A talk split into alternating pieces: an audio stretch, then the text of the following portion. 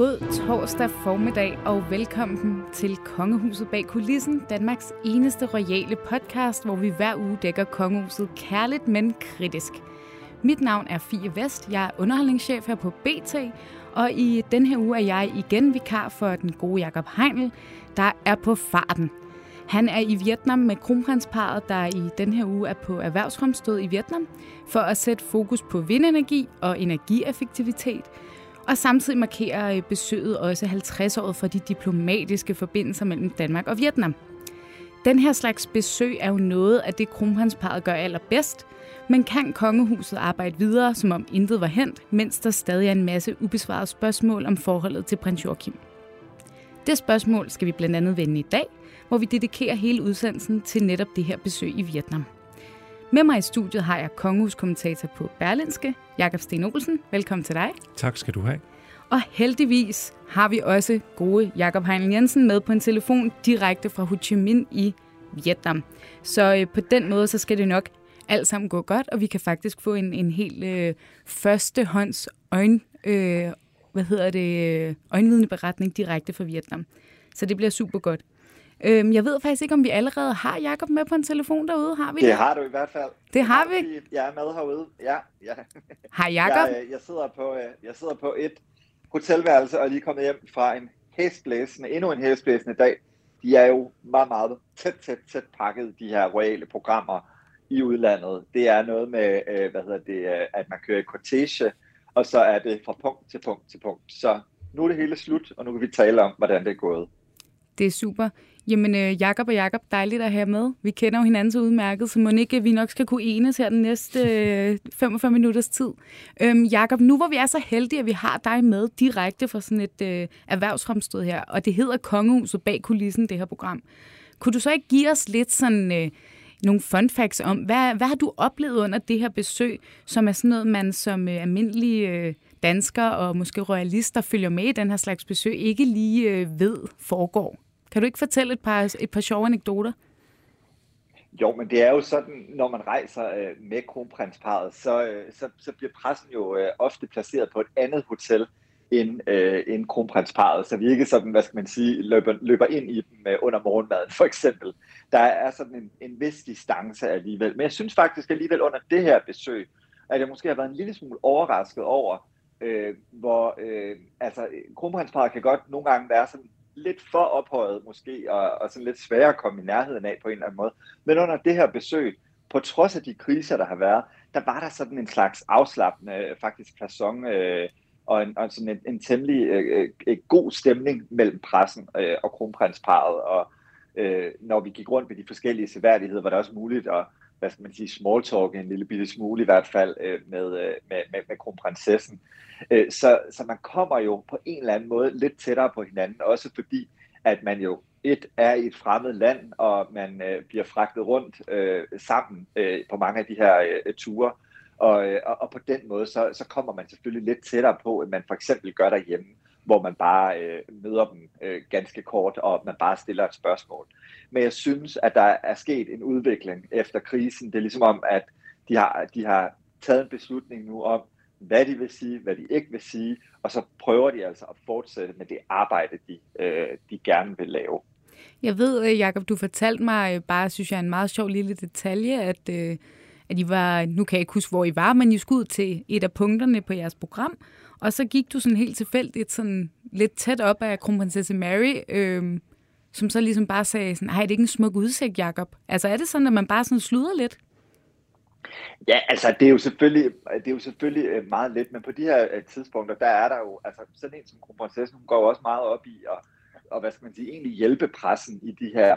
Så når vi står foran sådan en, øh, en meget, meget smuk udsigt, som vi gjorde her i går, hvor vi var i, hvor vi var en time nord for, for, for Hanoi ude ved det, der hedder pagoderne, altså de her gigantiske huse med, med, med, hvad hedder det, med store buddhaer indeni med en, en fuldstændig, altså, jamen, det er nærmest noget af det smukkeste, jeg nogensinde set udsigt ud over den her øh, store sø. Så er det jo sådan, at kronprinsessen, hun også sådan lige sørger for, at vi som journalister måske også øh, får de bedste billeder. Øh, der er mm. hun jo en ener i kongehuset, fordi hun sådan, så, så, så går hun jo og siger, jamen, er det ikke en flot udsigt, og så går man sådan ganske kort, ganske vist, og, og smalltalker om øh, den her udsigt. Og så sørger hun for, at hvis lyset ikke lige passer os i forbindelse med de videoer eller de billeder, vi gerne vil lave, så sørger hun altid for lige at vende sig, øh, som det passer. Der adskiller hun sig jo i, i meget, meget stor grad fra, øh, fra dronning Margrethe, der jo altid godt kan blive en lille smule træt af de der fotoseancer. Og hun kan jo, dronning Margrethe, når man kommer tæt på hende, så kan hun jo også vende på sådan at sige, ah, så er jeg vist heller ikke sjovere at se på. Så ja. der er jo sådan en, øh, der er jo selvfølgelig sådan en, en lidt mere løs øh, stemning øh, blandt journalister og kongelige. Det der dog er en lille smule anderledes nogle gange i 2022 end, end måske det var for 20 år siden, har jeg lavet mig fortælle, det er jo, at vi ofte laver video af det hele, og når vi gør det, så er de kongelige selvfølgelig også bevidste om, at det, de siger, det også kan blive optaget. Ja. Jeg synes altså under det her, under, under det her øh, hvad hedder det, besøg, at der også var en, en, en lidt mere afslappet stemning, end vi har set et stykke tid. Og i hvert fald en meget mere afslappet stemning, end der var i Holland under Herlufsholm-krisen, under det erhvervsfremstød, der var i, i juni måned. Ja. Jamen, øh, noget af det første, vi skal vende i forhold til det her besøg, øh, det er, øh, I lander dernede i weekenden, og, øh, man kan sige, at det her besøg falder jo lidt i går så en uheldigt ud i den forstand, at øh, Danmark har været optaget noget lidt andet, må man sige. Vi har været optaget et folketingsvalg, øh, som øh, fandt sted i tirsdags, og, og kronprinsparet meldte i den forbindelse ud. De kom altså ikke til at sige noget øh, overhovedet den dag af respekt for folkestyret. Og, øh, og Jakob Sten Olsen, jeg kunne godt tænke mig at høre dig. Hvad tænkte du om, om den udmelding? Altså, det var jo lidt underligt, at de kom til at sige noget overhovedet øh, i forhold til, at de jo rent faktisk var på arbejde i Vietnam. I forhold til, at det var jo det, de strengt taget var sendt afsted for. Det, det havde ligesom to øh, øh, øh, kan man sige, formål. Et, selvfølgelig at være den, de der brobyggere, øh, som man skal i forhold til sådan et, et erhvervsfremstød og trækplaster, øh, men selvfølgelig også at kommunikere det arbejde, der bliver gjort tilbage til os i Danmark. Så afskære sig fra at kommunikere med danskerne, øh, i forbindelse med et øh, erhvervsfremstød, det synes jeg umiddelbart er sådan lidt underligt og sådan lidt selvpålagt, vil jeg sige. Øh, så jeg kan og jeg ikke... må også sige, ja, ja, og hvis jeg må supplere, Jacob, så, så, så, så, så tænker jeg også, at det var en, en lidt speciel, øh, hvad skal man sige, beslutning i og med, at der jo ikke er nogen, der nogensinde har mistænkt kronprinsparet for at blande sig i politik. Så, men altså, hvis man ser det fra kongehusets synspunkt, så det de jo de prøver at sige med det her, det er, når der er valg i Danmark, så har vi så stor respekt for folkestyret, for valget, at så vil vi altså overhovedet ikke sige noget. Og hvis man er meget kongehuskender osv., så, så vil man nok også lægge mærke til på selve valgdagen, at kongehusets hjemmeside slet ikke blev opdateret, at der også sådan var øh, lagt fuldstændig låg på der. Altså jeg vil sige, det, det, det, det, altså, det er en lidt, det er en lidt underlig beslutning i og med, at, at Frederik og Mary, hvis de siger det ene eller det andet, så, så, vil, det, så vil det nok ikke forstyrre valget. Men omvendt, så kan man i hvert fald sige, at kongehuset gik hele vejen og, øh, og besluttede sig for at være fuldstændig tavse under, øh, under, under øh, øh, valgprocessen i Danmark. Ja. Det er sådan lidt en sjov, øh, selvpålagt, øh, hvad kan man sige, berufsverbot, øh, som ingen ja. i virkeligheden har bedt dem om, øh, netop fordi, som jeg siger, der er jo ikke nogen, der, øh, det er i hvert fald et problem, vi ikke har her i vores, med vores kongehus, at, vi, at de generelt overhovedet siger for meget i forhold til det, de ikke øh, må, altså tale partipolitisk for eksempel. Øh, men man kan da godt diskutere, øh, om, det, i, om det i princippet egentlig ikke er en god idé, som en ny tradition, som altså, det er jo helt tydeligt, at kronprinsparet øh, har stor indflydelse på, hvad der foregår i kongehuset i de her tider, øh, og ser måske også anderledes på nogle ting. Og det kan da godt være, at det egentlig er en meget god idé, at man øh, øh, laver det, øh, den hilsen til det danske folkestyre, øh, fordi der er jo sådan en underlig... Øh, det er jo en underlig, udemokratisk øh, ting, vi har, øh, at vi, vi, vi har et, et kongehus, som så øh, virkelig på alle måder er udemokratisk, og hvordan kan det, altså du bliver født til at være det, samtidig med, at du så har nogle særlige privilegier, og øh, at det så skal spille sammen med et moderne folkestyre. Ikke? Så, må, må det, så lidt ligesom man hejser flaget over øh, Amalienborg, når der er besøg eller sådan noget, så kunne det da godt være, at det var en ny tradition, at man sagde, jamen den dag, der holder vi ekstra lav profil, sådan i almindelig respekt, for at demonstrere, at vi godt ved, hvad vores rolle rolle er. Øh, jeg kan jo ikke lade være med at mistænke en lille bitte smule, at man også køber sig lidt tid i forhold til, at man ikke har lyst til at øh, svare på så mange spørgsmål om det, som pressen jo også gerne vil have svar på for tiden. Hvad enten man er i Vietnam eller ej, nemlig hvad, hvad sker der egentlig i forhold til øh, forholdet til prins Joachim og den øh, uenighed i familien, der er.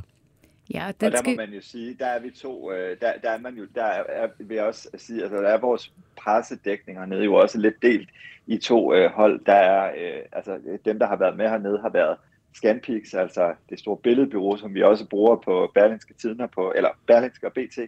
Øh, og så har Billedbladet været med, TV2 har været med, og så har Ekstrabladet også været med. Og det er lidt specielt faktisk, at Ekstrabladet er med, for de plejer jo normalt ikke at være med på sådan nogle ture. Og det de er med, øh, det er jo selvfølgelig også, i hvert fald, nu, det er jo ikke nogen, der har sagt til mig, men sådan tolker jeg det i hvert fald, at, at, øh, at netop på grund af krisen i kongehuset. Så man kan sige, der var ligesom to spor, der var også øh, altså på BT og, øh, og, og på Ekstrabladet, der i hvert fald interesseret for, hvordan det gik med prins Joachim, og, øh, og, og, så, og så billedbladet af TV2, øh, der, der gik andre veje. Og det er jo klart, at når man, som Jakob siger, så tager en dag fra og siger, Øh, øh, hvad hedder det, her taler vi ikke med pressen, så køber man sig netop øh, tid, øh, så, så, det kan, så, det kom, så, så det kan komme til at handle noget andet end, øh, krisen, som de formentlig meget gerne vil væk fra igen. Og jeg tænker også, at altså, på et eller andet tidspunkt øh, vil de jo få stillet de spørgsmål, fordi øh, så er der gået den dag, og så har pressen jo lov til at tale med dem igen. Øh, men, men jeg tænker også, det måske er sådan en slags øh, tavs demonstration, kan man sige, i forhold til en markering i forhold til pressen. Ikke? At man øh, rent faktisk meget gerne vil være fri for spørgsmål om det her. Ja, men jeg tænkte jo netop lidt det omvendte. Jeg, jeg tænkte egentlig, som du siger, Jakob Sten Olsen, at at det, at de ikke vil blande sig eller sige noget på valgdagen, det er måske egentlig fint nok.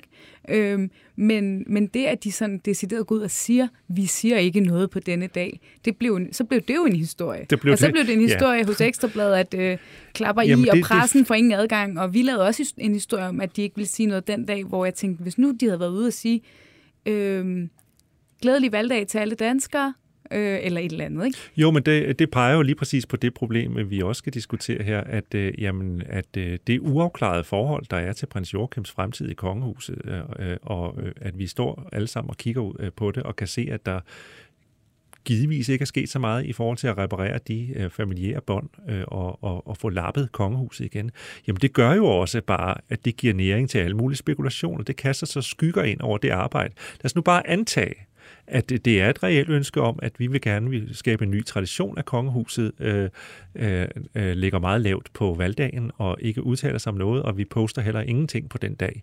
Øh, lad os bare sige, at det er øh, intentionen og, og noget, vi kommer til at se fremover også, og det, det, det, det øh, har man tænkt grundigt over og vil gerne gøre til en ny institution. Det er meget muligt, men, men fordi øh, forholdene nu er sådan i kongehuset, øh, så er det klart, at så opstår sådan nogle spekulationer, som jeg også sidder og bidrager til her. Og hvis vi skal lave en, øh, en glidende overgang netop over i det her tema, som jo også er det, vi, vi stiller, det spørgsmål, vi stiller øh, på Facebook, hvor man kan se med live, det er jo det her med skygger den her krise og de her familieproblemer i kongehuset over kronprinsparets arbejde. Øh, det er jo ikke nogen hemmelighed, det har du også berettet i vores artikler, Jacob, på, øh, på BT.dk, at, at vietnameserne, de synes jo, at øh, det er fantastisk, at øh, kronprinsparet er dernede, men øh, pressen stiller jo stadig spørgsmål til Joachim, og til om kronprins Frederik og Mary har været i kontakt med Joachim.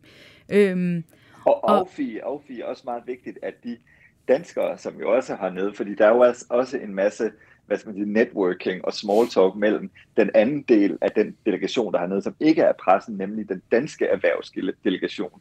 Og altså samtlige, øh, jeg mødte, nu, nu er der måske nogen, der ved, at jeg er royal korrespondent og går meget op i uh, kongehuset og fortæller om det, altså det første, de kommer over og spørger mig om alle de her erhvervstyper, det er jo, hvordan går det med prins Joachim og kronprins Frederik og prinsesse Marie? Og, og det er jo bare, altså det må man jo sige, det er jo bare en historie, der fylder ekstremt meget blandt danskerne. Så for vietnameserne, der kunne de få lov til at shine, eller kongehuset shine, men det er klart, at, at danskerne, de, øh, de selvfølgelig også var interesserede i krisen. Og I får jo så, øh, Jakob, et øh, såkaldt doorstep med kronprinsesse Mary, øh, og øh, der har jeg taget lidt lyd med fra det, fordi så synes jeg lige, vi skal starte med at snakke om det, hun siger. Fordi hun er den første, I ligesom øh, talte med. Og hun siger sådan her. Kronprinsesse Mary. Jeg tænker lige om den uro, der er i deres familie i øjeblikket. Jeg har ikke yderligere at tilføje til det, jeg har allerede sagt. Øhm, så jeg håber, at de har rejst hele vejen herud for at øh, stille dette spørgsmål. Har de nogle andre spørgsmål? Kronprinsesse Mary, jeg kunne godt tænke mig at, at spørge dem noget. Øh, prinsesse Marie sagde til mig nede i øh, Paris, øh, at jeres forhold var kompliceret. Hvordan er det kompliceret? Som jeg har lige sagt, jeg, jeg har ikke yderligere tilføjet. Ja, øhm, jeg, vores, ja. vores, artikel hed, øh, vores artikel hed noget i retning af, at kronprinsesse Mary lukker i. Det kan man roligt sige. Det kan man jo roligt sige, hun gør. Ja, ja og, og, det, og det, jeg synes, der er blevet så interessant ved den her sag, det er jo, at det i virkeligheden viser, hvad der egentlig er sket i kongehuset meget godt. Altså, kronprinsparet og dronningen er jo kongehuset. Det er prins Joachim og prinsesse Marie ikke særlig meget lige nu. Så man kan sige, de gør det, de gør med kongehuset i ryggen, nemlig og lukker i og går ikke ind i konflikten. Men problemet er jo, at prins Joachim og prinsesse Marie, de har ikke kunnet komme igennem til kongehuset. De har ikke kunne, altså de er ikke blevet hørt i de frustrationer, øh, som de har haft igennem meget, meget lang tid. Og derfor er det jo blevet offentligt, fordi de er gået i pressen. Så, så, så det, er, det, det, er jo virkelig, det er jo i virkeligheden det store problem for kronprins Frederik og, og, og øh, kronprinsesse Mary, det er, de var ikke i stand til sammen med dronningen at løse det her internt i kongehuset. Og så blev det en ekstern konflikt, fordi at prins Joachim og prinsesse Marie blev presset så langt ud. Men Jakob, øh, Jacob, jeg afbryder dig lige en gang, for jeg kunne godt tænke mig at høre dig, øh, Jakob Sten Olsen. Øh, ja, jeg siger jo Jakob og Jakob, så nu bruger jeg efternavnene øh, for en gang skyld. Ja. Øh, du står lidt uden for det her, fordi øh, nu er det jo... Øh, både Jakob og jeg arbejder her på BT, og vi har interviewet hende og skrevet historien. Du er selvfølgelig kongehuskommentator op på Berlinske, så du er vores kollega på den måde, men når du hører Mary sige det her, øh, og ser det her klip, hvad, hvad tænker du om det? Jamen, øh, det demonstrerer, at kongehuset er presset, fordi øh, det er jo lidt på øh, samme måde med Halvsholm-sagen, at fordi der var noget, der var uafklaret, øh, så har pressen ret til at stille nogle spørgsmål, og øh, har pressen sådan set også lov til at stille det spørgsmål. Så derfor er jeg sådan set meget glad, da jeg øh, hører det her lille klip, at vi først hører en journalist, som øh, stiller spørgsmål, og så siger prinse, prinsessen jo sådan rimelig køligt, kan man sige, øh, på plads sættende, at øh, jeg håber ikke, de rejser hele vejen herned for at stille dette spørgsmål. Det er sådan det rimelig, de ja, det er det. Det er sådan rimelig ja. øh, Men så øh, ros til øh, kollega Jakob i forhold til så rent faktisk at holde fast øh, og stille det spørgsmål. Jeg mener, mener faktisk, at det er et helt legitimt spørgsmål. Øh, vi har stadigvæk ikke fået svar på, øh, fordi øh, hverken fra øh, øh, dronningen eller fra kronprinsen, som jo egentlig er ansvarlig, øh, ansvarlig for kongehuset, øh, øh, eller nu for kronprinsessen i forhold til, øh, hvad sker der i det forhold til øh, Joachim og Marie, som vi godt ved øh, har øh, budt på store udfordringer. Og hvorfor vedkommer det også? Altså det, øh, øh, der blev henvist til, at det er et familieanlæggende øh, generelt. Hvorfor vedkommer det også? Jamen det gør det jo, fordi vi har krav på et velfungerende kongehus. De arbejder alle sammen for os. Øh, det er et firma, kan du kan man sige. Ikke? Men det er jo, der er jo det i det, at hvis øh, øh, dronningen ikke har styr på sin familie, så har hun heller ikke styr på sin, sit hus, så har hun heller ikke styr på firmaet, så har hun ikke styr på institutionen, fordi de mennesker er institutionen. Øh, og det for så lang tid, at vi ikke får noget at vide om, at nu er alt godt igen øh, Øh, så vil de jo, øh, og ikke har set dem sammen for eksempel, eller hvad man nu kunne finde på, øh, hverken ved øh, officielle begivenheder, eller bare øh, en helt almindelig øh, familiesance, jamen øh, så er vi jo ikke overbevist om, at det er et velfungerende firma. Øh, og øh, hvad vil der, hvad vil der ske, når øh, altså næste gang øh, Joachim og Marie øh, optræder, hvis de nogensinde kommer til at optræde side ved side af øh, kongehusets øvrige medlemmer, det ved vi ikke. Men hvad vil vi så tænke om det? Ikke? Så skygger det igen. Øh, så, så på samme måde som Herlufsholm-sagen kan pressen lov til at spørge, så synes jeg også, at øh, man har lov til at spørge til det her, øh, så lang tid det er uopklaret. Øh, hvad enten kongehuset bryder sig om det eller ej. Jeg kunne også godt... Det, Jacob, i, uh... Jacob, jeg afbryder dig ja. lige, fordi inden vi går ja. videre med den her diskussion, som vi, øh, vi lige dvæler lidt ved, så vil jeg også gerne lige spille, øh, spille et klip fra, fra i dag, øh, hvor kronprinsen også udtaler sig om det her. Øh, så vi lige har det fulde billede. The latest news. The latest news. Hvad jeg har, hvad jeg taler med min bror, eller hvad, hvad jeg har kommunikeret med min bror, det har jeg sagt før, at det er, det, det er en familiesag, og det betragter jeg som privat. Den blev kottet af lidt, øh, lidt hurtigt, øh, skal jeg sige, mm. det inden, men øh, kronprins Frederik siger, at det betragter jeg som privat, helt til sidst. Øhm, ja. Og det er jo så det store spørgsmål, det er jo det her, er det privat? Du kommer lidt ind på det, Jacob Sten Olsen, og siger, at det har vi altså, har vi altså ret til at spørge om. Øhm, men det er jo lidt interessant, fordi hvor går grænsen mellem, hvad der er privat og hvad der ikke er privat, når det er kongehuset? Og vi har jo diskuteret det, det før, ikke? Øh, med mm. konfirmationer og med andre ting, hvor kongehuset øh, siger, at det, det er en privat sag. Øhm, men Men i det her tilfælde, så, øh, så synes jeg jo, det er lidt sjovt, at man, man har jo i talesat sagen tidligere, men så lige pludselig opstår der en eller anden usynlig linje, hvor så bliver det pludselig privat. Øh, hvad tror I? Men jeg synes også, lad os, jeg synes også lige, vi skal dvæle lidt ved det der med, som Jakob egentlig siger øh, øh, før, det der med, hvad er privat, og hvad er ja. ikke privat øh, i kongehuset. Øh, fordi det er jo lidt interessant. Jeg kommer, jeg kommer til at tænke på et, øh, et, øh, en, en scene fra, øh, fra The Crown, som jo lige øh, snart har premiere. Vi ved jo ikke, om den her scene rent faktisk har udspillet sig. Sådan er det jo med The Crown. Men der er en scene, hvor Winston Churchill taler med dronning Elizabeth, øh, hvor øh, Øh, det viser sig, at Prince Philip er begyndt at tage flyvetimer. Altså han vil gerne øh, lære at flyve en flyvemaskiner. Og, og det er Winston Churchill meget imod, fordi at han synes, det er øh, øh, på en eller anden måde, det sætter øh, kongehuset i, øh, i øh, altså det, det, det gør, at der kan ske noget med Prince Philip, og det må der ikke. Og så siger Winston Churchill til dronningen, nothing about your family is a private matter. Altså underforstået, I er kongehuset. Det er det, der er ved institutionen. Det er netop det faktum, at I ikke er en privat familie. I er på en eller anden måde, øh, I er kongehuset. Og det er jo en helt særlig rolle og institution, og hvis man insisterer på at have monarkiet som styreform, og insisterer på at have et kongehus, så bliver man også nødt til, som Jacob også siger før, på en eller anden måde også acceptere det faktum, at den kongelige familie kan altså ikke betragtes som en almindelig privat familie. Det er klart, de må øh, lukke deres døre, og vi skal selvfølgelig ikke se med øh, og løfte dyner og sådan nogle ting. Men når der selv, altså når der bliver åbnet for det på den måde, som der er blevet gjort i den her sag, så har vi som journalister en pligt til at spørge ind til det, og danskerne har også, synes jeg, krav på at vide, om vi har et samlet kongehus. Og Jakob, du vil gerne byde med noget? Ja, det er, for, det er jo lige præcis ikke fordi, at, at der er nogen, der forestiller sig, at man skal for eksempel have en teletransmitteret psykologseance, øh, øh, konfliktmening mellem Frederik og Det vil ellers være spændende. Jeg er sikker på, at der vil være høje seertal til det. Det er jo slet ikke noget med det. Øh, men det er altså noget med at øh, simpelthen signalere til danskerne, at man er sammen som familie, at man har øh, klinket skårene, at alle øh, er enige om, at den her, øh, nu er det bare mig, der sådan øh, freestyler lidt, ikke? men altså, at alle er enige om, at den her sag var måske ikke specielt godt håndteret. Det har dronningen regeringen jo antydet, øh, og nu, øh, men nu er vi nået til enighed. Altså underforstået, de skal have prins Joachim til at give udtryk for, at han, øh, øh, øh sådan som det er nu, godt kunne have ønsket, at den seance havde fået en anderledes sted, altså det, at man fratager hans børn øh, titlerne, øh, men at han accepterer den beslutning, og der er nu fred og ro og alle passer deres arbejde. Det mangler vi stadigvæk et tydeligt signal for. Det kan man jo gøre på mange måder. Øh, men fordi man selv har lukket op for konflikten, kan man sige, øh, og gjort det til det noget, man taler om, så må man også sørge for at lukke den igen. Så kan man ikke lige pludselig smække døren i og sige, nu er det privat, hvad der herfra foregår, fordi øh, det efterlader stadigvæk med troen på, øh, øh, at der er en uløst konflikt i kongehuset. Øh, og for at sige det sådan lidt øh, øh, plat, så kan vi næsten ikke tænke på andet, øh, når vi ser de kongelige, indtil det er løst. Men må jeg så ikke stille spørgsmålet, fordi øh, så kan vi, så er I to i hvert fald enige om, at de kan ikke øh, påråbe sig retten til, at det er privat. Men hvad synes I så, at kronprinsesse Mary eller kronprins Frederik skulle have gået og sagt i den her situation? Altså man kan sige, at de er på et erhvervsomstød i Vietnam.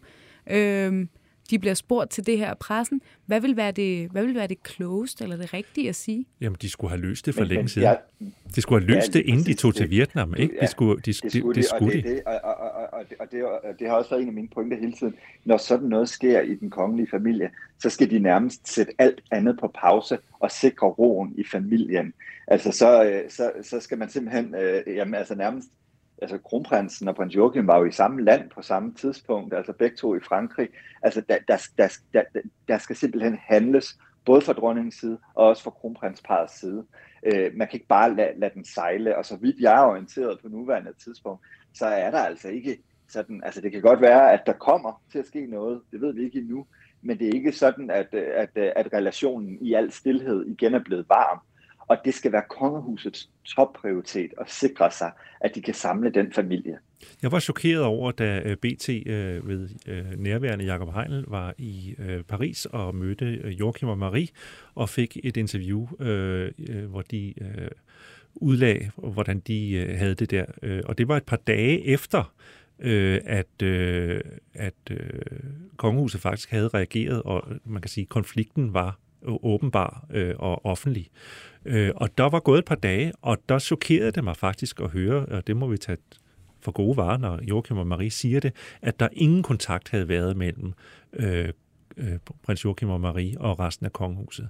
Øh, og det øh, foruroliger mig, fordi det tyder jo på, at, øh, at man ikke har taget den konfliktløsning øh, alvorligt. Det første, man bør gøre, det er jo at sørge for at få lukket den lækage, øh, og sørge for, at der kommer ro på bagsmækken. Det er simpelthen øh, dronningens, øh, nu hører vi alle sige, at hun er så god til at træffe beslutninger. Øh, øh, jamen, det, det er simpelthen hendes primære job som CEO i virksomheden øh, Amalienborg 12, øh, øh, at, at, at, øh, at, at, at løse det. Så derfor chokerede det mig, at man på, på det tidspunkt intet havde gjort. Men må jeg så spørge, det er jo selvfølgelig lidt spekulativt, hvis I skal svare på det, men hvad tror jeg så, hvad er grunden til, at der ikke er sket mere på nuværende tidspunkt? Jamen det er, at der er et åbent sår. Ikke? Man kan jo ikke løse noget ved ikke at, øh, at tale sammen, kan man sige. Altså grunden til, at der ikke er sket noget, det er jo, øh, altså, det, det er jo fordi, at der ikke er sket noget. Altså at man ikke har løst konflikten. Øh, og, og, og, og, og som Jakob siger, det, det, det, det dur jo ikke. Altså det, og øh, som jeg også sagde før, det skal være deres top øh, prioritet. Men, men Jacob, øh, hvad, hvad er grunden til, at, øh, at dronningen ikke... Øh, nu ved vi, at dronningen og Joachim har haft et møde. Øh, men der, den er til synligheden ikke helt lukket. Men hvad er grunden til, tror I, vi ikke har set et, et familiemøde, eller vi ikke har set et møde mellem altså, kronprins Frederik og Joachim endnu? Det er jo vanskeligt, fordi det er jo også det, er jo det der er så ejendommeligt ved det hele. Det er jo personlige forhold, der også gør sig, til synligheden gør sig gældende her. Vi hører uh, Joachim og Marie sige, at uh, forholdet til kronprinsparet er kompliceret, for eksempel. Hvad indebærer det? Uh, der, vi kan i hvert fald uh, forstå, at, der, at kommunikationen er umuliggjort, og hvis man så kigger lidt på sin egen familie, som jo noget, øh, kronprins Frederik hele tiden øh, henviser til, når han bliver spurgt, jamen i alle familier er der konflikter. Hvad er det, der er konflikter i forhold til familieanlæggende? Øh, jamen det er jo sådan noget som såret stolthed og øh, nag og øh, øh, øh, konfliktskyhed og sådan nogle ting. Ikke? Jo. Øh, og det må vi formode også er sådan noget, der gør sig gældende her i forhold til den kongelige familie, som jo vi kan forstå øh, på kronprinsen jo, og det er det jo også, er en familie ligesom alle andre, i hvert fald i forhold til at have personlige konflikter. Ja, og Men det kan godt hvad? undre mig en lille bitte smule, øh, hvis jeg lige må runde af, det kan godt undre mig en lille bitte smule nogle gange, det der med, at altså, altså man kan jo sige, kronprinsen står, øh, stod øh, en gang i hvert fald og, og sagde, Øh, det, det her det er noget, der sker i mange familier osv., men, men han må jo være bevidst om nu, i den alder han har, at, at han er ikke en hver anden familie. Han er kronprins, og han har været vant til pressen hele sit liv, så på den måde, så burde det jo ikke overraske ham, at der, øh, at der, at der er så stor interesse netop for den her sag.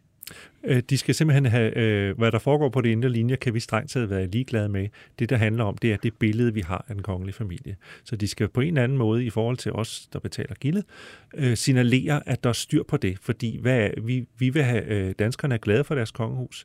Øh, og vi vil gerne have et kongehus, der fungerer, altså et kongehus, som vi kan være glade for, altså som fungerer på alle måder, så vi ikke tænker på det forkerte, når vi ser dem, men netop er lykkelige over, at de, for det kan jeg forstå, at det har været en rigtig, lidt af et triumftog i Vietnam, at de har passet deres arbejde og gjort det godt og, og, og, og været øh, det, de skulle være. Øh, så, øh, så det skal der fuld fokus på, og ikke det andet.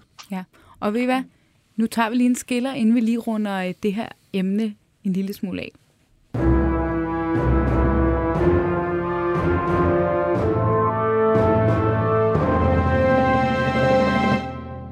Vi har jo været inde på det en lille smule, øh, men det her med, øh, altså er det okay, at vi tager hele vejen til Vietnam, for så faktisk at tale ret lidt om Vietnam og rigtig meget om noget andet.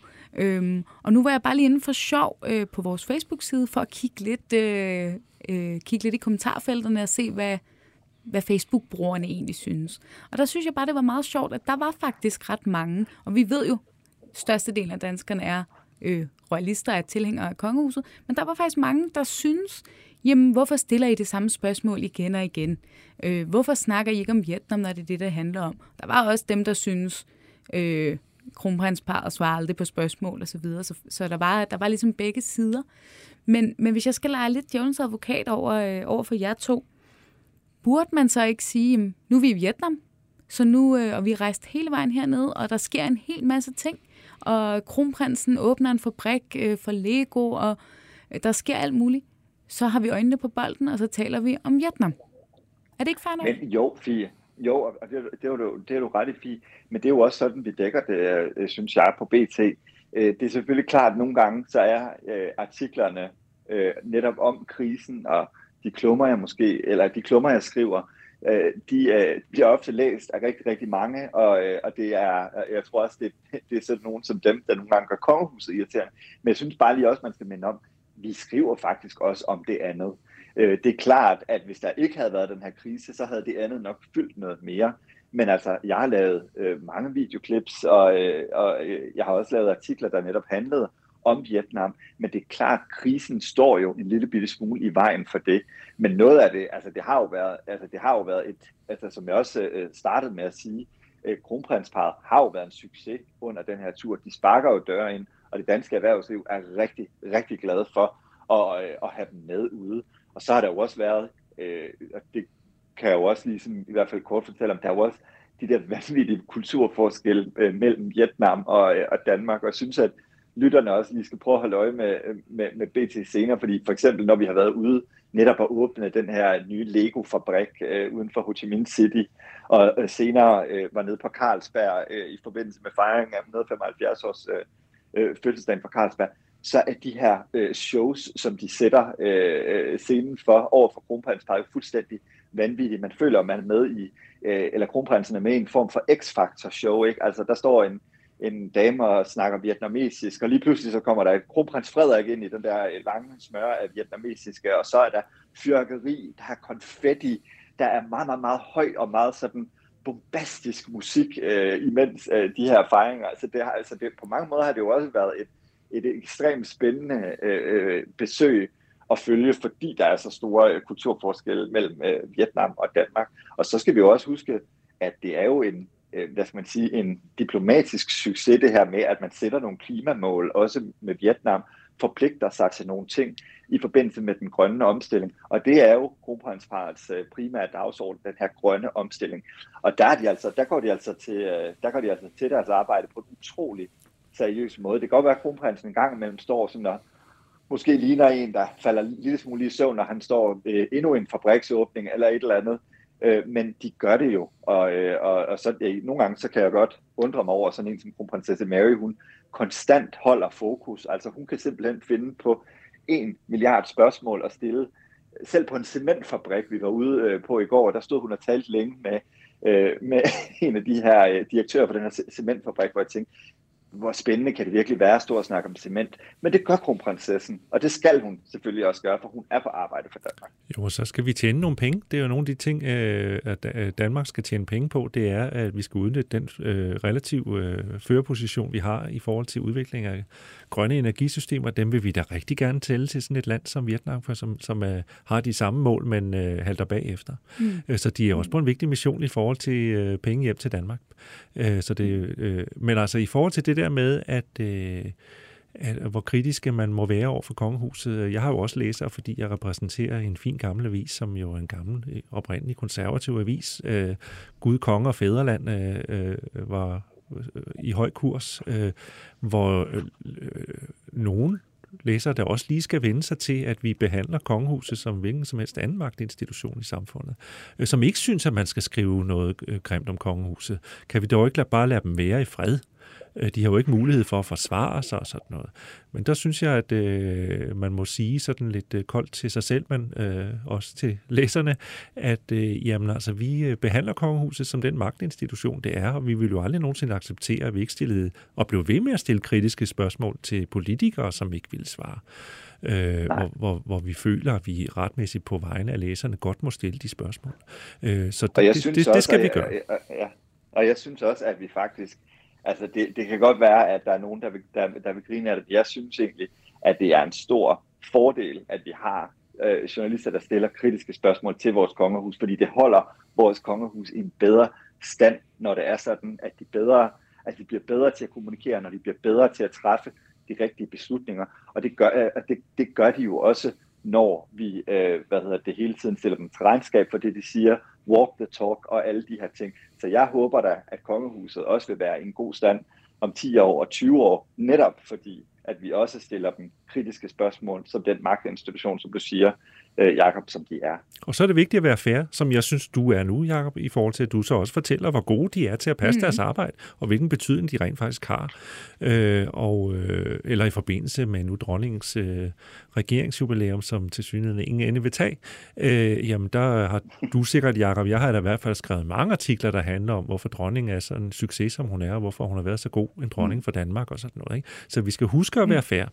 Og så er det jo nok ja. også bare, når man står midt i sådan en krise, som kongehuset er i nu, og der bliver skrevet mange artikler, så glemmer folk lidt, at vi faktisk også skriver, netop som du siger, Jacob, rigtig mange artikler, når det går godt, og når der er fejringer, og når de, øh, når de opfører sig, som de altså, skal. Jeg, jeg, jeg tror både i mig og Jacob Sten Olsen, vi for eksempel roste kronprins Frederiks tale til skyerne til dronningens regeringsjubilæum, hvor, øh, hvor, hvor, han, hvor han jo stod og sagde, jeg står lige bag dig, jeg er godt nok en anden, men øh, her er jeg, jeg er klar til at blive jeres konge, ikke? jeg er næstkommanderende. Det var en eminent tale, han holdt der. Og det skal, det skal man nemlig også huske, det roser vi jo også. Men det er som om kongehuset befinder lidt, sig lidt i en brydningstid i forhold til både øh, en, en ny øh, kan man sige, mere kritisk kongehusjournalistik, øh, og øh, sociale medier, som hvor almindelige mennesker jo også lige pludselig hæver stemmen, øh, at de befinder sig sådan lidt i en ny tid, hvor de sådan skal lære at finde deres ben i forhold til det. At de kan ikke bare sådan helt agere ligesom i gamle dage, stikke hovedet i busken, som de jo gør lidt nu, øh, og sige, vi er hævet over øh, diskussion, øh, øh, og så få løst deres, de kriser, som jo er lidt velkommen på den baggrund, øh, når man fylder noget i et samfund. Øh, få løst dem noget hurtigere. Øh, øh, Herlufsholm-krisen peger på det, den her krise peger på det, øh, at øh, kongehuset øh, har haft en lidt en tendens til at trække noget af det i langdrag ved simpelthen at træffe nogle øh, beslutninger, eller ikke ville træffe nogle beslutninger. Øh, jeg synes, ja, man, man regner med, at det går væk af sig selv. Ja, ekosagen, øh, som jo rent faktisk øh, øh, øh, nåede at vokse, men den, den fik man afsluttet hurtigere, kan man sige, ikke? Øh, ja, inden den nåede at blive øh, endnu værre. Ikke? Øh, det, det var et eksempel på, at det kan godt lade sig gøre. Mm. Og den kritiske journalistik smitter jo også, hvad skal man sige, af på øh, resten af branchen. Jeg blev for eksempel meget overrasket over, øh, at da jeg medvirkede i det her store DR-show, øh, som bliver sendt til december øh, året, jeg tror det hedder Året i Kongehuset, øh, der skulle jeg tale om to ting i året. Øh, altså hele, øh, det, der er sket hele året i Kongehuset, skulle jeg tale om to ting. Det ene var Herlufsholm, og det andet var krisen om prins Joachims titler, og det var altså selveste Danmarks Radio, så de, du har fuldstændig ret, Jacob, de skal vende sig til, at der er en anden journalistik, øh, der er, øh, altså det, det er en ny journalistisk alder for kongehuset. Hvis man ja, Danmarks Radio har været måske øh, mere end TV2 faktisk, øh, været lidt mere håndsky i forhold til, øh, og måske netop fordi man er en national institution selv, øh, man er øh, hele landets fjernsyn øh, på, øh, på den måde, så har man været øh, lidt famlende i forhold til, hvor, hvor kritisk man måtte være i forhold til kongehuset, eller hvor, hvor realistisk, kan jeg hellere kalde det, man må være i forhold til kongehuset. Øh, men det virker som om, at der... Øh, øh, som om, at det også vil ændre sig en lille smule i forhold til Danmarks Radios dækning, som ja, og, betyder og jeg har egentlig altid troet, at, en af grundene til, at man måske var lidt mindre kritisk, det var måske fordi, at, at man frygtede, når så kunne det være, at man ikke blev inviteret til nytårskur, eller man kunne ikke få den gode plads inde i Christiansborg, øh, på Christiansborg Slot til et eller andet gallertafel osv. Men der synes jeg også, øh, hvis jeg må give øh, DR og TV2 et råd, der skal man også vide, at kongehuset i den grad også har brug for Danmarks Radio og TV2, hvis de vil kommunikere med danskerne. Så man kan sagtens tillade sig at tage de der lidt mere kritiske briller på, uden at frygte, at det har konsekvenser. Ja, og det er jo, altså, det er jo også nødvendigt, fordi jeg tænker i kraft med, at øh, flere andre medier, som os, som jer, Jakob på Berlinske, øh, stiller kritiske spørgsmål, så kommer man jo også til at se ja. dum ud, hvis man er de store tv-stationer, som gang på gang står og ikke gør noget.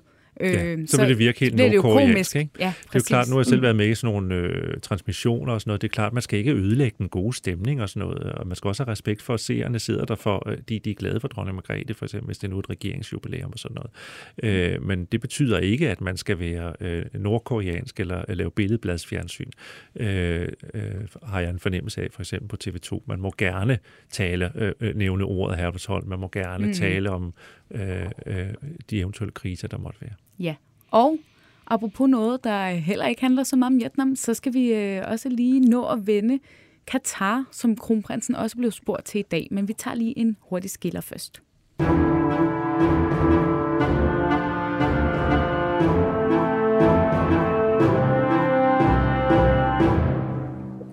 Ja, fordi det er jo... Jeg elsker, du, siger, jeg elsker, du altid siger til, uh, til vores kære lyttere, at der lige kommer en skiller. Det synes jeg er genialt. Jamen, det er godt. Gå ikke over sporet, der kommer skiller. Præcis. Det, ja. det var simpelthen, øh, det var simpelthen sådan, øh, jeg tror, det var, da jeg skulle vikariere for dig første gang, øh, Jakob, så var det sådan en ting, jeg havde skrevet mit manuskript for at huske at sætte skiller på.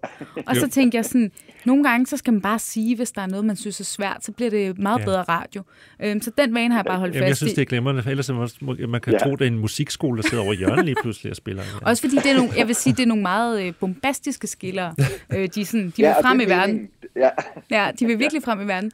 Nå, jamen, ja. øhm, Katar. Øh, på det her doorstep ja. i morges i Vietnam blev øh, kronprinsen også spurgt til, til det kommende VM i Katar. Og øh, der er jo ikke mange dage til, at det starter, og det er jo så både regering og kongehus har faktisk ikke meldt ud, hvad de gør. Øh, og selvfølgelig øh, bliver kronprinsen så også forholdt det her. Og jeg vil lige spille øh, faktisk øh, to forskellige klip for jer, som, øh, hvor kronprinsen svarer på, på sit forhold til, til VM i Katar. Så det sidste spørgsmål for mig. Hvad tænker du om de forhold, der er blevet afsløret op til VM, såsom øh, brud på menneskerettigheder, korruption og slavlignende forhold? I min verden, der er det sporten, og det er meget af det, jeg tænker på, og jeg støtter det danske fodboldlag. Tak for det. Det var, det var lige det første klip, jeg tog med her, øhm, hvor kronprinsen mm. bliver, øh, bliver forholdt de her forhold, der jo er i Katar. Øhm, og jeg skal lige øh, for en god undskyld, jeg tror, det er Ekstrabladet, der spørger, øh, der stiller det her spørgsmål. Og, øh, og Jakob, du har jo også skrevet en artikel om, øh, om netop det her spørgsmål. Han bliver spurgt til, hvordan han forholder sig til de her, øh, altså Katars forhold ja. til menneskerettigheder. Og så siger han, det er for mig sporten, det handler om. Ja, og øhm, det... Og det hvad tænker ja, I om det? det var, jamen, jeg tænker, altså, kronprinsen bliver jo meget politikeragtig, når han skal svare på sådan nogle spørgsmål her. Og det er jo selvfølgelig, fordi han ikke må og kan og øh, vil sige noget før, at han har en klar linje øh, fra regeringen i det her. Men jeg må så alligevel sige, når han så ikke vil svare, øh, så synes jeg måske, at det vil klæde ham en lille bitte smule, at i stedet for, altså vi har forstået, at kronprins Frederik er meget glad for sport. Det tror jeg sådan set ikke, der findes et menneske i kongeriget Danmark, der ikke ved, at han er. Så, så, øh, så i stedet for at sige, at, øh, at, øh, at det handler om sport, og jeg er der for sporten og alle de her ting, så kunne man måske godt, så kunne man måske godt snige et par linjer ind, hvis man kunne, hvis man kunne finde på det, om at man, at man jo i Danmark har går meget op i, at menneskerettigheder bliver overholdt, og det betyder ekstremt meget netop for kronprinsparet, at, øh, at menneskerettigheder, øh, det kunne man sådan set, synes jeg, godt snige ind, i stedet for at gentage, at øh, for mig handler det bare om sport, fordi der er altså andre ting i verden end sport. Der er også forhold for øh, de stakkels mennesker i Katar, øh, som, øh, som har været med til det her, øh, øh, til, til at lave den her sportsbegivenhed, som jo er blevet behandlet som slaver. Og det kunne man måske godt, uden øh, at, øh, at gå for langt, sætte en lille smule ord på, synes jeg. Ja, jeg spiller lige et klip mere fra, øh, fra det her interview, hvor han, øh, hvor han virkelig får udpenslet, at han har stor support til landsholdet, i hvert fald indtil videre. Jeg vil gerne spørge til, om de rejser til Qatar for at følge det danske landshold til VM. Og det er, danske landshold har altid min støtte, uanset hvor de spiller i verden. Betyder det så, at de rejser over? De har min støtte so far. Altså, lige nu, der, der ved vi ikke noget. Hvad mener, hvad mener de med, at de har deres støtte? Det betyder, at de skal vide, at, at de har min støtte, uanset hvor de spiller hen i verden. Det kan man godt gå og stå og sige her foran, øh, foran denne dag. I et hvilket som helst land. Og det, øh, det synes jeg er vigtigt. Det synes jeg er specielt, at nu skal de jo... Jeg glæder mig til at se dem spille. Godt, jeg cutter den lige der. Øh, jeg tror, man har forstået meningen. Og jeg synes jo igen, som du sagde, Jacob, man ved jo, at kronprinsen han, øh, han elsker sport, og han elsker landsholdet. Øhm, Han siger jo egentlig det rigtige, so far. So altså, far, det, ja. Yeah. Så, så øh, det er jo igen, øh, for nu at sige det lige ud, det kan vi roligt tale åbent om nu, fordi kronprinsen selv har adresseret i sin tale til sin mor, at øh, nogle gange så kommer ordene lidt mærkeligt ud af munden på Frederik. Ja. Øh, fordi det er, jo, det er jo rigtigt. Det første, man bør sige, det er, hvis man nu er kommunikationsrådgiver for Frederik, det leger vi så lige, vi er. Øh, det første, han bør sige, det er, at øh, vi går meget op i menneskerettigheder i Danmark, og det ser vi på øh, med stor alvor. Øh, og så bør han sige, at øh, øh, så må han gerne sige, at fodboldlandsholdet øh, støtter han selvfølgelig på alle måder. Øh, og vi må se, hvor den her sag havner hen. Fordi so far. Indtil videre, så skal jeg til, øh, men, indtil videre skal han jo til Katar. Men kan han sige det, som det er? Ja, det altså, synes som, jeg, han skal, fordi kan, det er... Kan han godt det, sige, at jeg afventer, ja, ja, jeg og min familie afventer regerings, ja, den kommende regerings Det vil jeg sige. Og, ja. og grunden til, at jeg også vil sige det og understrege det, det, var for, det er jo fordi, der er, der er jo en historik mellem uh, kronprinsen, uh, da han sad i UC, og den danske regering. Altså en meget alvorlig uoverensstemmelse, uh, der handlede om, at kronprinsen så anderledes på tingene end uh, den danske regering. Uh, og det var et stort problem øh, og måske en af de alvorligste fejltagelser, kronprinsen har begået. Så det kunne jo hjælpe ham til lige at demonstrere, kan man sige, at øh, han har øh, forstået og lært noget af den sag. Jeg synes, at, øh, og det er jo det, der er uafklaret, og det kommer til at blive en diskussion jo nu, fra nu og til nu. Øh, det er jo en sag, der er forbundet med stor hyggeleri. Øh, fordi i virkeligheden øh, kunne man jo overveje, om man i hovedet skulle der ned og spille fodbold. Men man kan jo gøre det på andre øh, måder, og det er jo øh, det, det næste trin, det er, at man siger, ja, vi deltager i det for sportens skyld og for alle mulige andre grunde. Øh, men øh, vi sender for eksempel ikke vores øh, kulturminister afsted, vi sender ikke vores kongehus afsted. Det kan man sige, det er en måde at protestere på, og samtidig deltage. Der er jo mange hy- sådan lidt halvhykleriske måder ja, at gøre tingene kan, på. Ikke? Man kan finde øh, Så vi ved ikke, hvor det havner endnu. Det kan være, der kommer et så stort politisk pres øh, fra offentligheden i forhold til, at vi i hvert fald på en eller anden måde skal... Øh, øh, Øh, demonstrere vores afsky øh, for øh, det styre, som, er, som øh, nu øh, af en eller anden mærkelig grund har fået lov til at arrangere det her, den her verdensbegivenhed. Og, og, lige præcis det, så vores afgående kulturminister, Anne Halsbo Jørgensen, har jo øh, egentlig flere gange luftet hendes øh, syn på sagen. Hun har jo øh, den øh, holdning, at det faktisk er bedre at tage der ned, og så på en eller anden måde lave det larm, man nu kan lave dernede politisk. Altså forsøge at påvirke tingene, i stedet for øh, bare at holde øh, sig væk. Det kan man jo sådan set have sympati for. Problemet i den her sag er bare, at hvis man så tager kronprins Frederik med, så står han ikke i samme situation som Ane Halsbo. Han kan ikke gøre det, som hun kan gøre. Så derfor så er det virkelig, virkelig en sag, hvor man går på æggeskaller øh, øh, i æg, fordi kronprinsen må jo på ingen måde blive politisk så det bliver ekstremt spændende at se, hvad, hvad, hvad man ender med at gøre. Og altså nu øh, i forbindelse med valget har jeg herinde på BT lavet sådan nogle øh, formater med de forskellige partiledere, hvor jeg også spurgte til det her med Katar. Og der var de godt nok øh, stort set alle sammen enige om, at man ikke skulle sende regeringen, øh, man ikke skulle sende kongehuset, men at man godt kunne følge med i det hjemmefra. Nu må vi se, om tingene ændrer sig her, øh, og hvad for en regering det, vi får osv. Det tror jeg er et meget sandsynligt Men udkomme. jeg tænker også, at det ud, ja, udfald er meget sandsynligt. Øh, jeg tror ikke, der, hvis man spørger danskerne øh, om, hvad de øh, synes om Katar, så tror jeg, at øh, der vil komme en meget tydelig signal til politikerne om. Og nu spørger jeg måske... Må jeg, lige, øh, må jeg, ikke, må jeg ikke lige nævne en, fordi det, det er faktisk meget, øh, der, der skete nemlig, apropos det, vi snakkede om helt i starten, fordi de der sådan uforudsete øjeblik, der jo kommer, når man dækker kongehus. Fordi journalisten, som spørger ind til Katar, det er øh, Ekstrabladets øh, Saad Ahmed, øh, som er med. Og han havde det jo, hvad skal man sige, lidt svært på den her tur, fordi han var sendt afsted øh, med nogle spørgsmål, som kronprins bare dybest set ikke ville svare på. Øh, men da han så øh, stiller det her Katar-spørgsmål, som kronprinsen så heller ikke svarer på, men han dog får et eller andet ud af, da kronprinsen så går væk, så vender han sig lige kort om og siger, Jøvigt til Saad, tillykke med fødselsdagen. Nå. Og så står der, en, er en helt ung journalist, der er sådan, Hvad, hvordan ved du det? Og, er sådan, og så går kronprinsen så videre, og det der jo så er sket inde i pressebussen inden, øh, det er, at jeg sidder og tjekker på min telefon, og lige pludselig opdager jeg på Facebook, at Saad, han har fødselsdag i dag, så jeg siger tillykke med fødselsdagen, og så sidder hele pressebussen jo og siger, tillykke med fødselsdagen, han har ikke selv sagt, at han havde fødselsdag. Og det, altså nu gætter jeg selvfølgelig, men jeg tror, det er det, der er sket.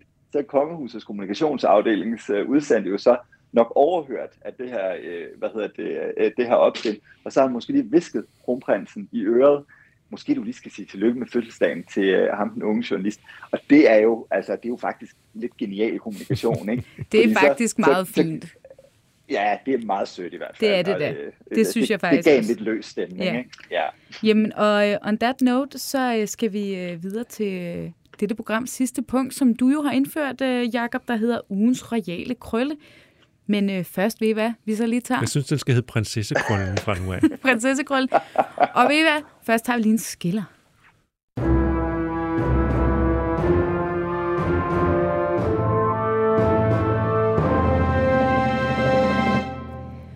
Og for at blive i Vietnamsporet, så, øh, så har jeg taget et lille klip med, som du har øh, sendt hjem fra Vietnam, øh, Jakob. Og nu talte vi jo også om det her med, at der netop er sket mange ting, som som øh, der måske ikke har haft lige så meget fokus, men hvor kronprinspar faktisk har gjort en rigtig god figur, og som har været sådan små, sjove detaljer øh, eller events. Og, øh, og det er simpelthen øh, Mary, der, øh, der står og skal holde en tale til et arrangement, men så sker der det, som jo nogle gange sker, at teknikken driller. Øh, og øh, nu må vi lige se, hvor godt vi kan høre det i klippet, men jeg prøver lige at spille det her. Nå, der, vi har også tekniske problemer, desværre. Det er meget meta, øhm, og det var desværre ikke planlagt. Men det, der sker i klippet, det kan være, at du lige skal forklare det i stedet for, Jacob. Ja, lad os, øh, lad os forklare det, som det er. Det, der sker, det er, at Mary skal holde en tale ind i Hanoi Opera House, øh, og det er altså på, øh, jeg tror det er besøgets øh, første aften. Der sidder 450 øh, gæster i det her operahus i Hanoi, og, øh, og kronprinsessen skal op og tale om båndene mellem dansk kultur og vietnamesisk kultur og alle de her ting. Og, og, og det er jo sådan hernede, at, at det bestemt ikke er alle, der forstår engelsk. Så hver eneste gang kronprinsessen eller kronprinsen har skulle holde en tale, så har der været en tolk. Og så er det jo sådan lidt en speciel øh, øvelse for kronprinsparet, så skal de jo øh, starte med en sætning, og så skal de jo lige holde en pause, og så, nå, nå, nå, nå, nå, så kommer alt det der vietnamesisk, ikke? Og, øh, og, og det gør Mary så også op på scenen. Problemet er bare, at der ikke kommer noget vietnamesisk, så hun står og holder de der øh, øh, øh kunstpauser meget professionelt, som hun skal, men der sker ligesom ikke noget øh, i højtalerne. Og lige pludselig ser man sådan en lille vietnamesisk dame om bag ved scenen, øh, sådan se helt febrilsk ud og sådan komme løbende op på scenen, hvor kronprinsessen jo står foran de her meget stort anlagte blomster, dekorationer og alle mulige ting, og ser helt forvirret ud. Og der er Mary jo så professionel og, og, og prøver sådan at, at vinke til hende, kom nu herover til min mikrofon, for min mikrofon virker jo. Og man kan næsten se på hende, den vietnamesiske oversætter, det kan hun næsten ikke, det kan hun næsten ikke være bekendt at stå der på kronprinsessens talerstol. Men Mary insisterer, øh, og så kommer tolken over, og, øh, og, øh, og, og, og, og siger så, hvad kronprinsessen lige har sagt på vietnamesisk, øh, og går tilbage igen. Og det man jo så kunne høre, det man kunne høre i klippet som det eneste, ja. det er jo, at da den her mikrofon ikke virker, så siger Mary jo så til forsamlingen på engelsk, øh, so, I'm so sorry, but I cannot translate. Og så alle dem, der så ja. kan forstå engelsk, de klapper jo og hujer, og, øh, og der får hun den på en eller anden måde løs, sådan meget humoristisk, meget, øh, meget lige, når Mary er bedst, ikke? at hun godt kan gribe situationen, øh, mens hun står i jo. den. Det hun, har var... været, hun har været, hun har været, hvad hedder det, hun har, altså, hun har jo været i, uh, i Danmark i, uh, i næsten 20 år nu, i lære som kronprinsesse og vores kommende dronning i dag. Og sådan nogle situationer der, dem er hun bare så vant til efterhånden, der er hun ekstremt professionel på scenen. Og så ledes med øh, lidt tekniske problemer i forbindelse med et indslag om tekniske problemer, slutter vi øh, ugens udsendelse. Det var en fornøjelse. Øh, tak til dig, Jakob Sten Olsen, fordi du øh, havde lyst til at være med i vores lille program. Og øh, tak til dig, Jakob Hein Jensen. Det er jo ved at være sengetid, der hvor du er i Vietnam. Jeg skal lige ud og have noget for suppe, og så øh, skal jeg i seng, ja. Og så god tur hjem. Ja, god tur hjem. Vi ses lige om lidt. Tusind tak for det. Øh, tak til jer, og tak til alle jer, der lyttede med derude. Vi høres ved i næste uge, hvor vi skal nørde den nye sæson af The Crown, som har premiere på onsdag. Det bliver også spændende. Tak fordi I lyttede med, og Gud bevarer Danmark. thank you